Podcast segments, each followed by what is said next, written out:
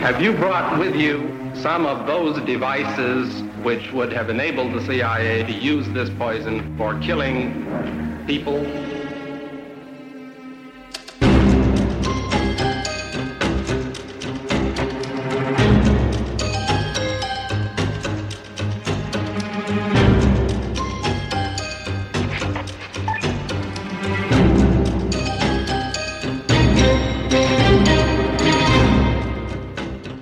Men, men ved du hvad, undskyld, jeg lige afbryder dig, Claus Hjortfred. Du skal nok få lov til at svare færdig, men jeg har lige fået at vide, at jeg kan hilse dig fra din advokat, René Offersen, og sige, at sagen øh, er droppet. Okay. Men det er jo også den logiske konsekvens af højesterets kendelse. Men det betyder sådan set, mens vi to sidder her, at sagen for dit vedkommende er afsluttet. Ja. Det er blandt andet blevet kaldt Danmarks historiens største efterretningsskandale. Men nu skal den tidligere venstreminister Claus Hjort Frederiksen og tidligere spionchef Lars Finsen ikke længere retsforfølges for at have lækket statshemmeligheder. Heller ikke den 63-årige... Du lytter til det hemmeligste af det hemmelige. Et program om den kolde krigs hemmeligheder. Mit navn er Anders Christiansen, og med i studiet er dokumentarist Christian Kirk Muff.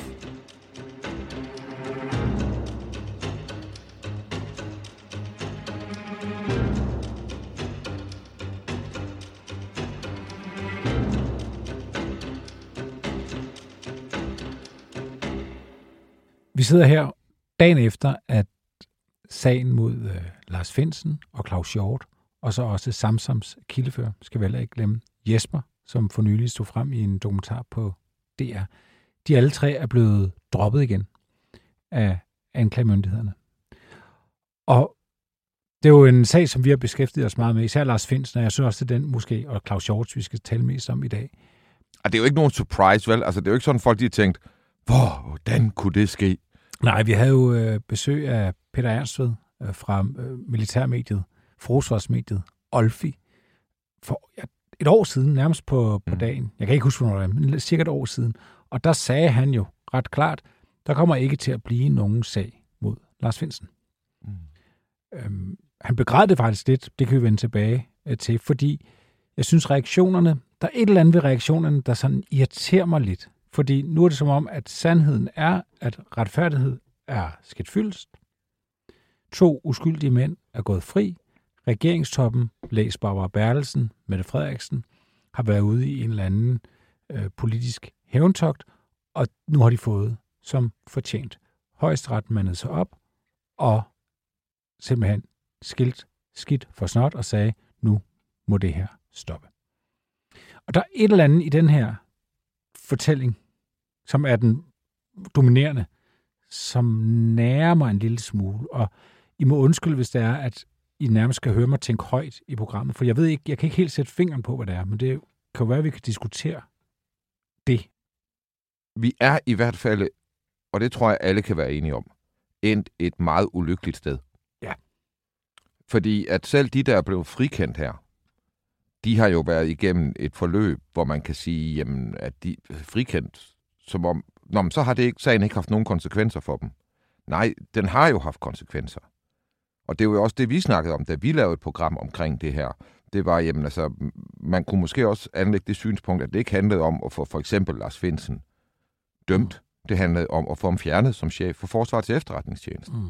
Og så alt det, der kom bagefter, det var så bare håndtering. Og her, hvor vi endte, det er måske så et udslag af lidt dårlig håndtering, men det kommer vi også over. Vi vandt, da vi fik Finsen væk. Mm. Øh, men, men det er bare svært at se nogen, der kan sidde tilbage nu og synes, det her det endte sådan, som vi synes, det skulle ende. Ja. Skal vi prøve at dele det lidt op? Fordi jeg synes, Claus Hjort-sagen kan vi starte og slutte ret hurtigt. Fordi selvom højesterets øh, kendelse om, at, at det kunne, skulle ske for at åbne døre, så var det egentlig også en de facto frifindelse.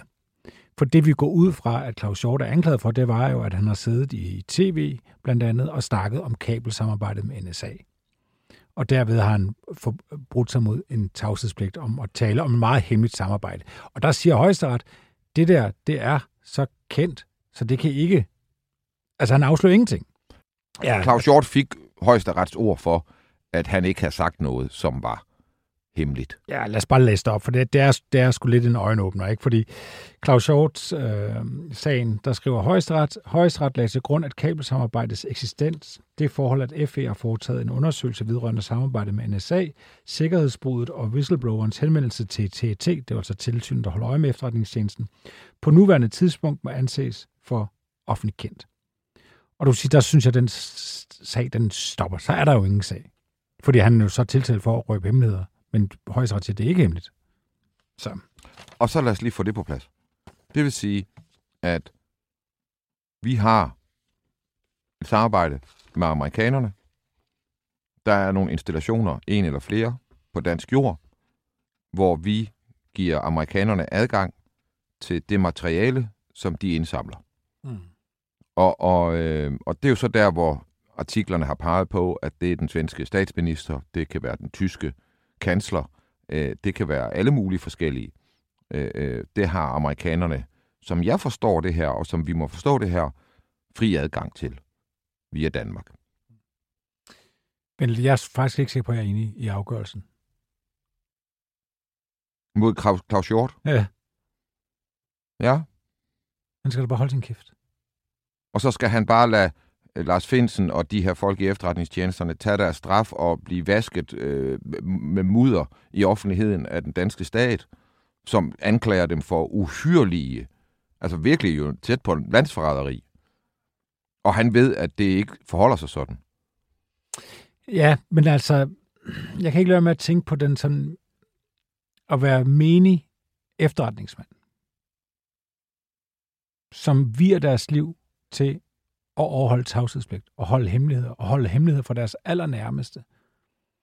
Øh, og måske endda nogle gange må se noget ske, øh, som de på en eller anden måde kunne bløde op på, eller forklare, eller et eller andet, hvis de bare lige kunne røbe en hemmelighed eller to, men ikke gør det, fordi de holder tavshedspligten over alt andet. Skal sidde og se Claus Hjort igen og igen, også på kluntet vis.